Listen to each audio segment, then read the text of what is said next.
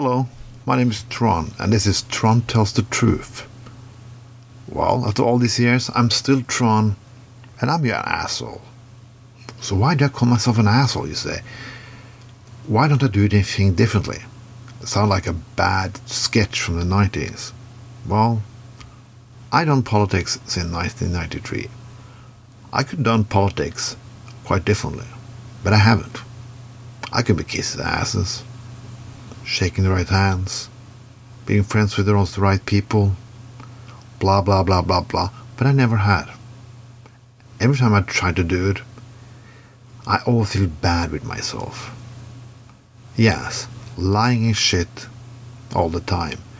So, after many years of bullshitting myself, having nerves break down, found out I'm gonna start new and fresh.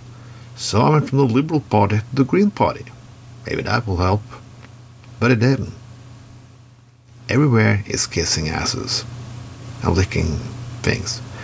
But there are something strange with politics today is that you always have to be so fucking correct. Some people say that politicians are not humans, and sometimes I do understand why. Many years ago, there was a minister in Denmark who had been through some fucking rough times. And believe me, if you're a politician and get media 24 7, it can be a little bit too much. So, one evening, that, that politician thought that he was going to go to theater with his wife, just to get a little peace and quiet. And straight out of the theater, there stood the journalist. And he just said, Go fuck yourself, I have time off. And then he was life by the waters. They respected him, not because he said fuck off, but he showed some human side of himself. A few years ago, many years ago, it was a member of the political party that I don't like. Yes, a farmer's party in Norway. She was angry and told the truth straight in the water's face how frustrating it is sometimes that when you try and don't get things done. A lot of media attention was like, oh, she was scandalous, she lost control. No, she didn't lose control. She was a fucking human being. That's why you are not human beings. All this bullshit had led to Trump, who is not a human being, but a speak rambling bullshit. We created this bullshit. And how I see Greens and liberals and radicals today, they're still creating that bullshit. Nobody voted for the cutest, perfect guy. There are so when I sit in the political movement, so hard they try to be perfect. They're gonna be liked so much. Who cares? I didn't get to do politics to get liked. I know my political radical. I know my changes don't get liked by all. And sometimes I know what I suggest is not popular. But I can respect conservatives for one thing. They don't care if things are popular. They just go along with it and repeat it and repeat it and work with it all the time. So why they win.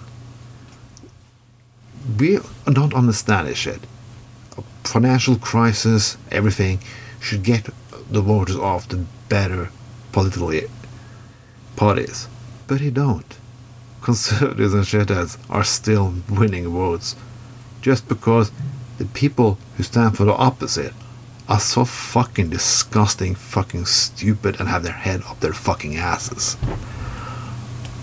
Next year, I'm not gonna be the political future that I hoped for, but when I quit after next election, I can know one thing. I'll live. I can live with myself. If any of my political colleagues ask me, "What are you doing differently?" Maybe some of it, but not most of it.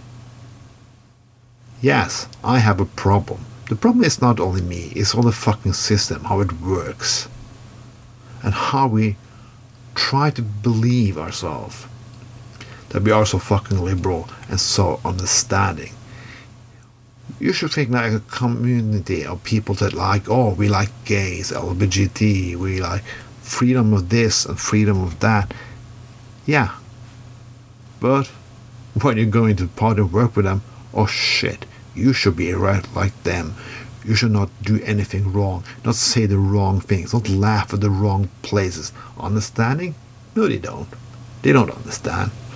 when you can sit when your political ideas standing up watching documentaries, reading a fucking good chapter and be bullied a little bit in school, then you don't su- survive reality.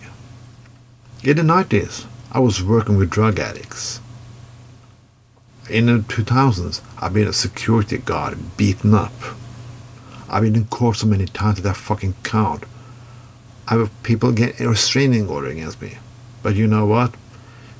I can. What I've been criticizing for is laughing at the wrong places. Don't have a bachelor fucking degree. I'm not ashamed of that. I, I'm proud of what I've done. I'm proud of my work. Have I always been perfect? Can I treat some people nicer? Yes. But you're over 40 and you don't regret anything. Then you're a fucking psychopath. I hope politics will change, but I don't really believe it's gonna do some, something soon. Because we all thing we see now is a result of not people standing for the for wrong things, but people are standing for the right things who always seems to mess up and don't know how humans work at all. This is Tron Tron Tells the Truth.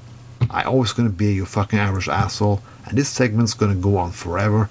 I don't give a fuck what any politicians in Bergen or Norway or anywhere else believe. I'm me, and I'm always gonna be me. Bye.